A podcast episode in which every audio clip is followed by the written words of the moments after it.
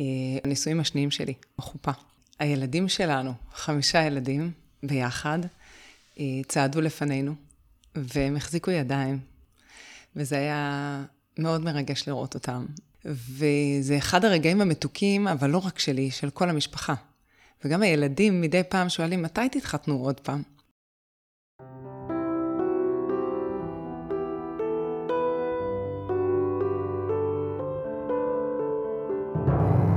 שלום, אני טלי אשר, ואתם על מי רוצה נס, פודקאסט שנועד להכיר לכם מקרוב את החיים לצד התמודדות נפשית.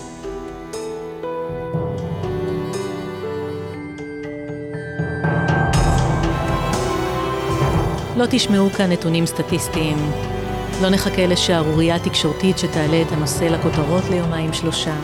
אנחנו כאן באופן קבוע, נכנסים ליומיום, לחדרי חדרים, ובעיקר לחדרי הלב.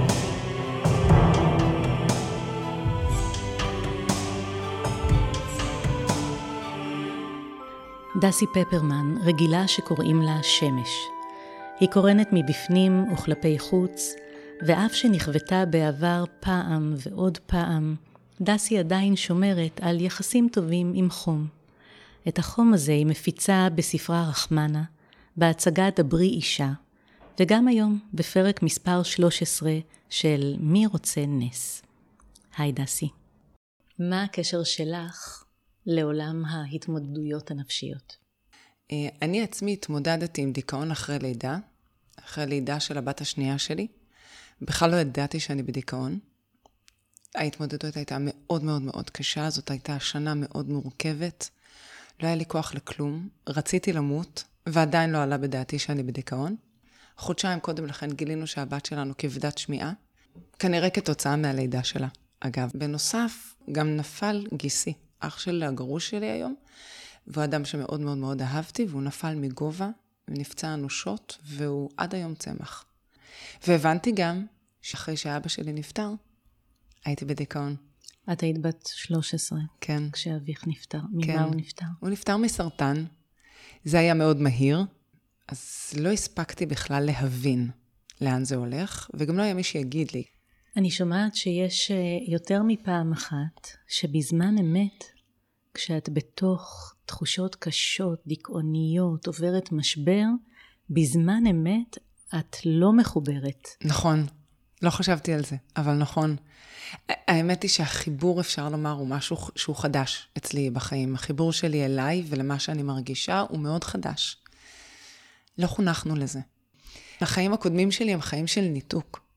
מאוד מאוד מאוד, אה, מאוד, אה, אני, אני אפילו לא יודעת איך לכנות אותו, זה קצת כמו קיר בטון שעובר ביני לבין עצמי. היית חייבת את זה. אני חושבת שלא הייתי שורדת בלי זה. לא בגיל 13 ולא אחר כך בנישואים שהיו מאוד מאוד מאוד קשים. לא הייתי שורדת את זה אחרי שעברתי אונס כשהייתי בת 17. לא, לא היה לי שום סיכוי. אה, ואני חושבת שבשירות ההישרדות זה היה נכון לאותה תקופה. כן. בואי נחזור אחורה. כן. נגיד כשאת בת 11-12, איך נראים החיים שלך? אה, אני גדלה בבית חרדי ובריטי. וההורים שלי הם יוצאי דופן איפה שגדלתי. גדלתי בשכונת הר נוף בירושלים, והלכתי לבית יעקב, כמו כל שאר השכונה פחות או יותר, ולבשתי חצאית אה, כחולה וחולצת תכלת וגרביים, ומצד שני, ההורים שלי היו מאוד יוצאי דופן. אימא שלי גיורת, ואבא שלי חוזר בתשובה. ככה שההורים שלי גם לא משתייכים לאף זרם חד משמעי. הייתה המון פתיחות בבית, ההורים שלי שמעו מוזיקה קלאסית וקראו ג'ון גרישם באנגלית, ומצד שני, הלכנו לבית יעקב. לא, לא קל לקטלג או להכניס לאיזושהי משבצת את לא, המשפחה שלכם. לא. התא המשפחתי, אתן אה, הרבה אחיות. המון. ו... אנחנו שמונה בנות, hmm. ואין בנים. זה, זה, האמת שזה נשמע אושר, ככה זה מהצד. אושר. אוקיי. האם התא המשפחתי הוא יחידה, אה, יצוקה היטב, חזקה, שהיא בעצם קבוצת ההשתייכות שלך? חד משמעית. וזה ככה עד היום. Mm. אחיות שלי עדיין חרדיות ודתיות ואני לא, וזאת עדיין התחושה. זה לא משנה מה קורה וזה לא משנה מה את צריכה, תמיד יש את הגדוד הזה מאחורייך, וזה הדבר הכי משמח שיש, והמפגשים איתם עד היום יכולים, מפגש עם האחיות שלי יכול למלא אותי לחודש קדימה. אה, אופוריה, ממש ככה. אה, אני כל הזמן אומרת שהן הרוח בכנפיי, אה, האחיות שלי. וגם אימא שלי, יאמר לזכותה, שאני לא יודעת איך היא שרדה את כל התקופה הזאת, אני לא יודעת איך היא עשתה את זה. מדהימה, באמת. אז כן, אנחנו לגמרי היינו שם אחת בשביל השנייה, אנחנו הרבצנו לבנים אחת בשביל השנייה, וזאת הייתה התפיסה, תמיד היינו שם אחת בשביל השנייה, והחוויות שלנו הן גם חוויות של תמיכה אחת בשנייה. כשאת חווה אה, מכה קשה מאוד בגיל 17. כן. הן עומדות שם בשבילך, או שאת שותקת את החוויה הזו? אני שותקת. אה, אבל אני לא שותקת כי הן לא יכולות לעזור לי. לקח לי המון שנים לבדוק את העניין הזה של השתיקה, אבל מתברר שזאת חוויה, אני חושבת, כלל עולמית. זה אפילו לא רק נשית. אה, אני חושבת שגם גברים שותקים. אז אני חושבת שהחוויה היא לא רק שלי, אבל כשאני שתקתי, כשאני שתקתי בהקשר המיני, של הפגיעה המינית שלי, זה נבע מהעובדה שלא היו לי מילים בכלל כדי לתאר. וכשאין מילים אין מחשבה. וכשאין מחשבה אי אפשר להסביר. ובשפה העברית, החרדית, יש לומר, אין מילים לאונס. Mm. אין מילים לפגיעה מינית. בכלל אין מילים לסקס, בואו נדבר על זה, בואו נשים את זה על השולחן. אם יש, אז הם נמצאים בגמרא. הם לא... אל, אל, זה לא הלקסיקון הנגיש לך. לא. לא. כן. לא לילדה צעירה כמוני. כן. וכשלא מדברים על משהו, כשאף אחד לא מדבר עליו, אז אתה חושב שאסור לדבר עליו. ואני חשבתי שאסור לדבר ולא היו מילים לתאר, ולכן הסתובבתי עם המון אשמה והמון בושה, כאילו שאני עשיתי משהו רע, המון שנים. מה שכן, החיות שלי כן גילו במקרה. אחת האחיות שלי בטעות פתחה יומן שלי. אה, אני אפילו לא זוכרת באילו מילים השתמשתי בשביל לתאר את מה שקרה לי. אני יודעת שהגיסים שלי הלכו לאיים עליו, אבל אף אחד לא טיפל בי. Mm-hmm. אבל גם להן לא היו מילים. אז מצד אחד, כן, האחיות שלי היו סלע איתן בשבילי, אבל כשאין מילים... או כשיש צונאמי, כן. אז גם סלע איתן לא עלול מספיק. להיות, כן, נכון. עלול ליפול בסערה הזו. כן. כן. וזאת הייתה חוויה מאוד מאוד מאוד אה, קשה, אני מניחה גם להן. אין לי ספק, הן לא סיפרו לי, אמא שלי אגב. ויום לפני אחד המופעים שהיה לי, שאימא שלי באה לראות, שלחתי לאימא שלי הודעה בוואטסאפ. ואמרתי לה, אימא, אני חייבת להזהיר אותך. אני הולכת לדבר על דברים שאף פעם לא דיברנו עליהם. והיא אמרה לי, זה בסדר, אני באה. ואחרי המופע היא אמרה לחני, הבמאית שלנו, היא אמרה, They think you don't know. היא ידעה. כן. היא ידעה, ומכיוון שאני לא דיברתי, גם היא לא דיברה. ואימא שלי אישה מאוד בריטית, מאוד אסופה. אז אני גם לא מאשימה אותה. אמ, אין לי האשמה לאף אחד. אז אה, בדיוק רציתי להגיד לך. כן. אני לא שומעת אשמה או האשמה. לא, אין. עשרים שנה אולי הייתי אשמה, בעיני עצמי. שאני טעיתי, שאני לא חשבתי, שאני לא הייתי צריכה לעשות כך וכך, שאם הייתי אומרת לא לפני כן, כל מיני כאלה.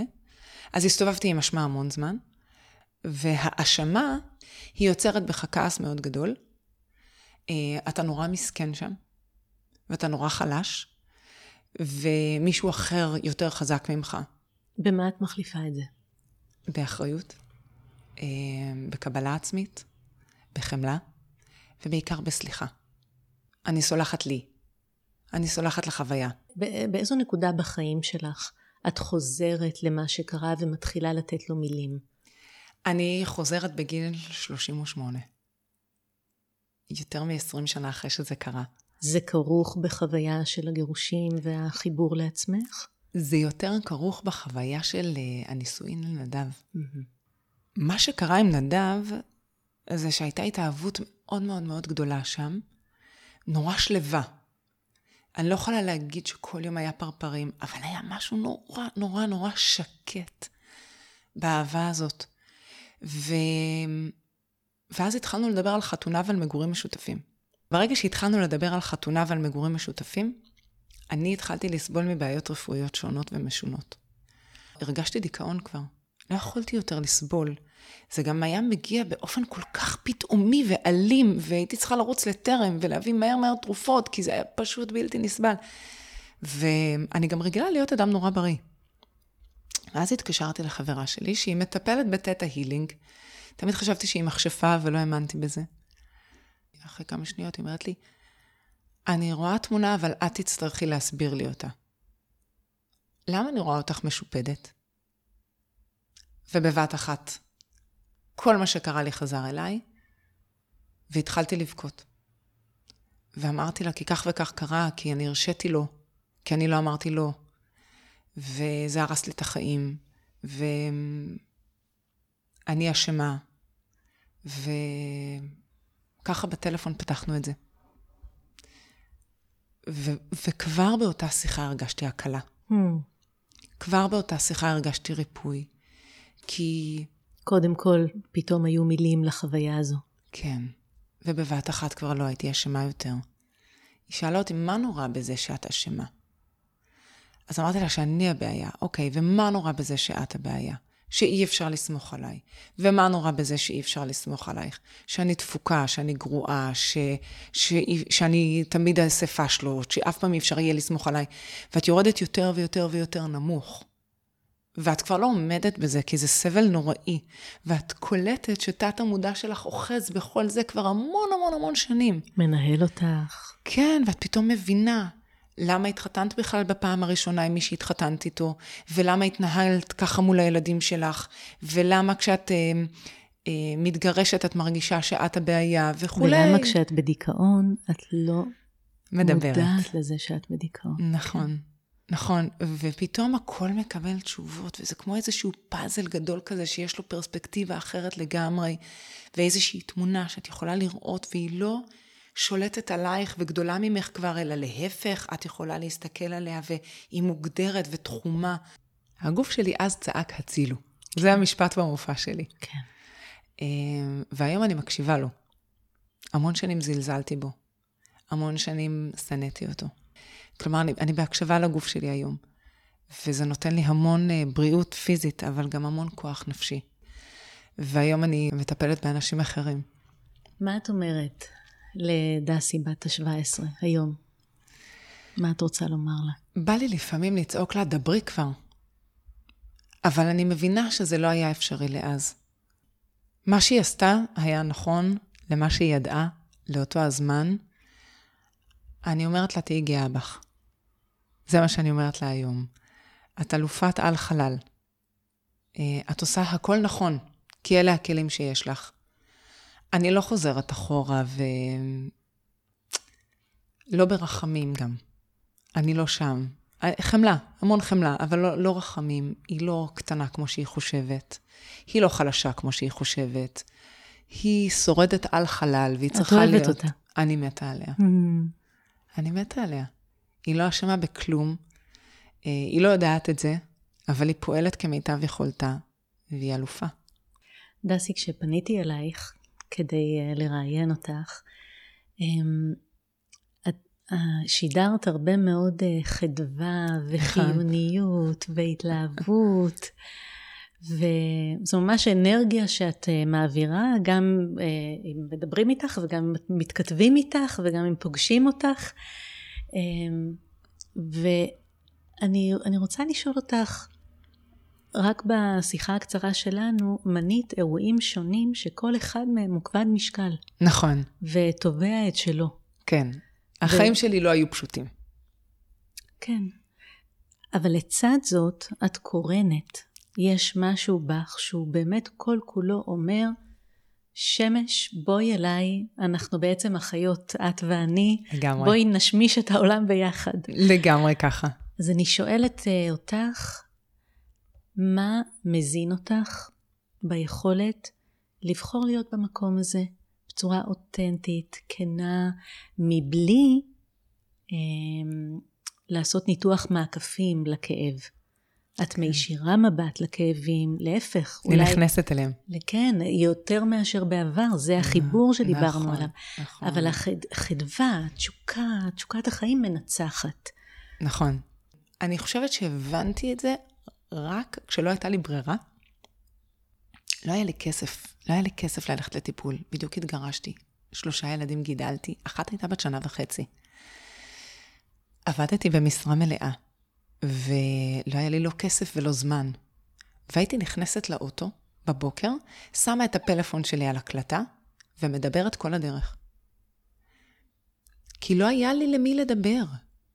אבל באותו רגע, שבאמת לא היה מי שיקשיב, קרה דבר מדהים. לא התביישתי להגיד כלום. כי לא היה מי שיקשיב, לא היה מי שישפוט. לא היה מי שיגיד שיש משהו לא תקין, אז הרשיתי לעצמי. ודיברתי את השנאה, ואת הכעס, ואת העצבים, ואת תחושת הנקם שכל כך רציתי לנקום, בכולם רציתי לנקום. וככה במשך אולי שנה. פתאום לא הייתה צנזורה למילים שלך. נכון. יכולתי להגיד מה שאני רוצה. עכשיו, הדבר המדהים הוא שלפעמים כשלא היה לי מה להגיד, הייתי שומעת איזושהי הקלטה בדרך, וידעתי מה תהיה המילה הבאה שלי. כלומר, בלי לזכור את זה בעל פה, ידעתי מה הרגשתי, כי פעם ראשונה בחיים יכולתי להגיד. וזה שלא הייתה צנזורה, היה הדבר הכי מדהים בעולם שקרה לי אי פעם. וכשאני כותבת היום פוסט, אנשים מתחברים אליו, כי אני כותבת אותי הכי אותנטי שיש. בסופו של דבר אני למדתי שככל שכותבים יותר אישי ופרטי, ונדמה לנו שזה רק רק רק שלנו, כך יותר אנשים מתחברים לזה. זה נכון. זה אומר שכולם חוו את אותן החוויות, גם אם התפאורה הייתה שונה.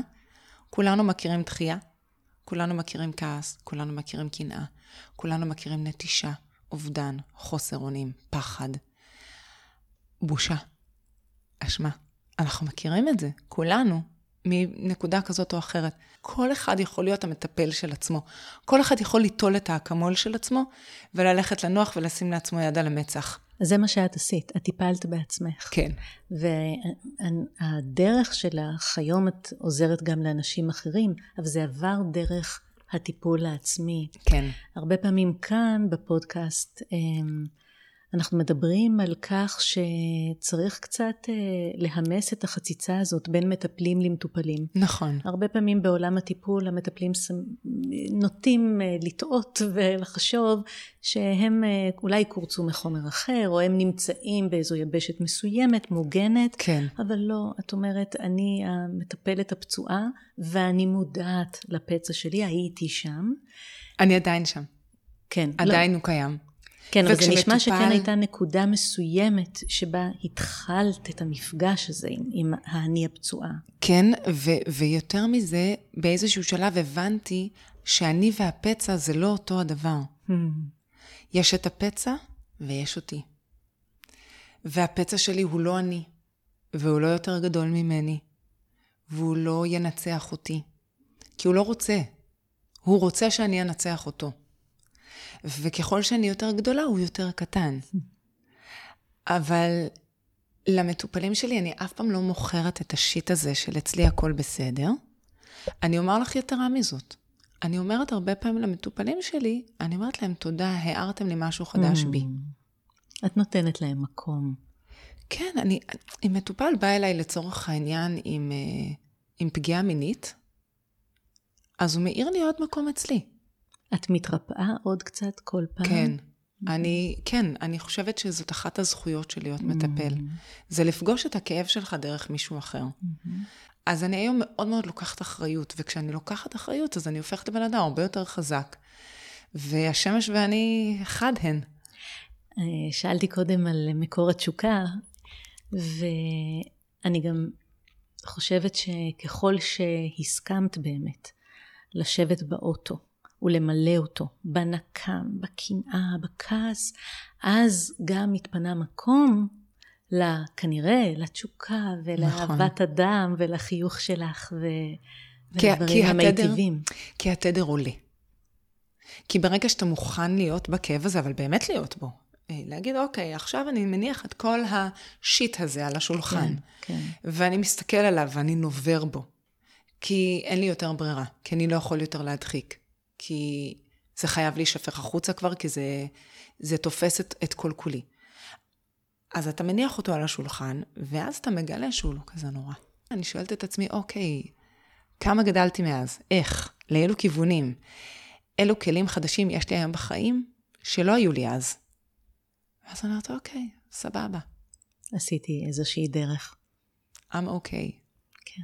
וכשאני עושה את זה, אז הכאב כבר לא תופס כל כך הרבה מקום בתוכי. אני לפעמים, יש ימים שאני לא חווה כאב בכלל. Mm. עצם העובדה שאני מסכימה להיות בו ולהקשיב לו ולהגיד, אוקיי, הוא מתנה. הוא לא מהווה איום, הוא מתנה. וברגע שאני עושה את זה, אני ממש בסדר. ואני מבינה שאם אני עדיין חשה קיבוץ ביחס למשהו, זה אומר שאני צריכה להיות בו רגע, לשחרר, הכל יהיה בסדר. החוויות אה, שעברת לאורך החיים מילדות משפיעות על ההורות שלך, על האופן שבו את אימא? מאוד. ואני מדברת עם הילדים שלי על הכל. כי אני לא רוצה שהם יגדלו בעולם שאין בו מילים. שיתמודדו עם הכל ושיספרו, לא אכפת לי, הכל בסדר. וגם לבת שלי היום, שיש לה המון קשיים, אני אומרת לה, יום אחד זה יהיה מאחורייך. יום אחד את תרגישי שהפצע הזה הוא לא את. את יודעת את זה, כי כן. את היית שם. כן. יש לה התמודדות לא פשוטה. אני אומרת לה, אל תעשי בגרויות, תורידי את זה מהראש שלך, זה לא חשוב. את יותר חשובה. זה באמת לא חשוב. אני סיימתי את שלי כשהיה לי תינוק בבטן. בתחילת כיתה י"ב עברתי אונס, ויותר לא עניין אותי כלום. לחלק מהבגרויות ניגשתי, לחלק לא. אמ, לא סיימתי עם תעודת בגרות. זה לא חשוב. סיימתי את התואר הראשון שלי כשכבר היו לי שני ילדים. זה לא חשוב. את תהיי בסדר. זה גם נאמר במקביל לטיפול מאוד מסור, כן. מאוד אינטנסיבי. Uh, הקשר שלי עם אבא שלה אפילו התחזק בשביל הטיפול למענה. הזה בה. Mm. ממה את נטענת? מה נותן לך אני? לא יודעת, אני לא צריכה להיטען בך, אני כבר טעונה. את, את המטען, את אומרת. כן, אני, אני לא יודעת לענות על השאלה הזאת. אני מרגישה חופש. אני מאוד מאוד מאוד חופשייה. המון שנים לא הייתי חופשייה לעשות כלום. לא הייתי חופשייה מבחינה דתית, ולא הייתי חופשייה מבחינה תעסוקתית, ולא הייתי חופשייה בתוך הנישואין שלי, ולא הייתי חופשייה כאימא. והיום אני כל כך חופשייה בהכל, גם בזוגיות שלי אני האדם, האדם הכי חופשי שיש. כלומר, האיש שלי עכשיו יושב ומחכה שהקטנה שלי תחזור מבית הספר. באיזה עוד עולם זה יכול היה לקרות לי? אז כאילו ברמה הכי טכנית אני חופשייה. אני חושבת שאני מבינה ממה את נטענת. הנה, יש לך תשובה. הצלחת? אה, כן, בתיאור הזה שלך. עלה בדעתי שבתחילת השנים המשותפות שלי עם אה, בעלי, עם צחי, אה, כשהפכנו להיות הורים, ישנו על מזרון, לא על מיטה, כדי להיות באותו גובה. עם הילדים. עם, כן, עם בנות, גם הן ישנו על מזרונים. וזהו, כבר היינו אה, יותר מבוגרים, ועדיין ישנו על מזרונים. אה, וכשעברנו לבית הנוכחי, סוף סוף הייתה לנו מיטה. כלומר, הורים לשלוש בנות שישנות בחדרים משלהן, ויש לנו מיטה. אני חושבת שעברו מאז באמת יותר מעשר שנים. אבל בכל פעם שאני נכנסת למיטה הזאת, אני נפעמת מהגובה. איזה קטע זה. מאיזה כיף זה שזו מיטה אמיתית, אני משוגעת עליה, ואני כאילו מרגישה את זה בכל פעם שאני נכנסת אליה. זה עלה בדעתי בגלל התיאור שלך את החיים הנוכחיים שלך, כן. שבכל רגע ורגע, בכל מעשה פעוט או גדול, את מרגישה אותו במלואו, את בבח... בתוך אה, בחירה מלאה, נכון. וזה כאילו שום דבר לא עובר לידך, שום דבר הוא לא מובן מאליו. אז את חווה מלאות מכל חלק בחיים שלך. נכון. איך אפשר לא לקרון? זה, אני מאוד מתחברת למה שאת אומרת. אחד הסיפורים האהובים עליי הוא סיפור של יציאת מצרים. שמהמשבר הכי הכי הכי גדול, מ"ט שערי טומאה. rock bottom. משם מתחילה צמיחה כל כך גדולה. ושלפעמים המשבר בחיים שלנו יש לו תפקיד, מכאן כבר אי אפשר ליפול, אפשר רק לעלות, אפשר לבחור איך. והסיפור ממשיך בזה שעם ישראל יוצא ממצרים ועומד על הים, ומשה צועק לאלוהים, המצרים רודפים אחרינו, ומה לעשות עכשיו? ואלוהים אומר לו, מה תצעק אליי? וזאת תשובה שאין לה היגיון, כי על פי ההיגיון אלוהים היה צריך לפתור את הבעיה, הוא הבטיח, אני, אני אוציא אתכם, אני אביא אתכם, אני אקח אתכם. והוצאתי והצלתי ולקחתי וגאלתי. כל הלשונות גאולה האלה שגדלתי עליהן. והוא אומר, מה תצעק אליי? זה שלך, קום נטה ידך. ומשה נוטה את המטה כל הלילה ולא קורה כלום. ובסופו של דבר, נחשון בן עמינדב קופץ ראש לים. וברגע שהוא קופץ ראש הים נפתח. ואני מסתכלת על הסיפור הזה ואני אומרת, זה זה. אלה החיים. יש משבר, מכאן אפשר רק לצמוח. זה לא שלא יהיו קשיים בדרך, אבל תקפצי ראש, הים ייפתח. ואת קופצת ראש. ואני קופצת ראש. איזה נס יש בחיים שלך, דסי? הכל, הכל נס. כל, כל יום, יש את השיר הזה, כל יום כמו נכון, נס. נכון, של אמיר דדון. אז אני מאוד אוהבת את השיר הזה. כי כן, ככה זה מרגיש לי. כאילו, בכלל לא אכפת לי למות היום. בכלל, בכלל לא אכפת לי. כאילו זה, אני לא רוצה את זה בשביל הילדים שלי, ונורא כיף לי לחיות, ונורא בא לי להמשיך לחיות, וכל יום שאני ארוויח פה יהיה רק כיף, נורא כיף לי לחיות, אבל אם אני אמות, אני אדע שוואלה, בסדר גמור. חיית חיים מלאים. כן. לפחות, ב, אמרת חיי הקודמים, לפחות בחייך הנוכחיים. כן, והשבע, שמונה שנים האחרונות שלי, מבחינת המסה שלהן, הן הרבה הרבה הרבה יותר גדולות מכל ה-35 שקדמו להן. אז זה תענוג. כן. כן. אני גם שותפה למחשבה שלפעמים שנה היא לא 365 ימים, לפעמים היא הרבה יותר מזה. ממש, ממש ככה. לאיזה נס את עוד מייחלת?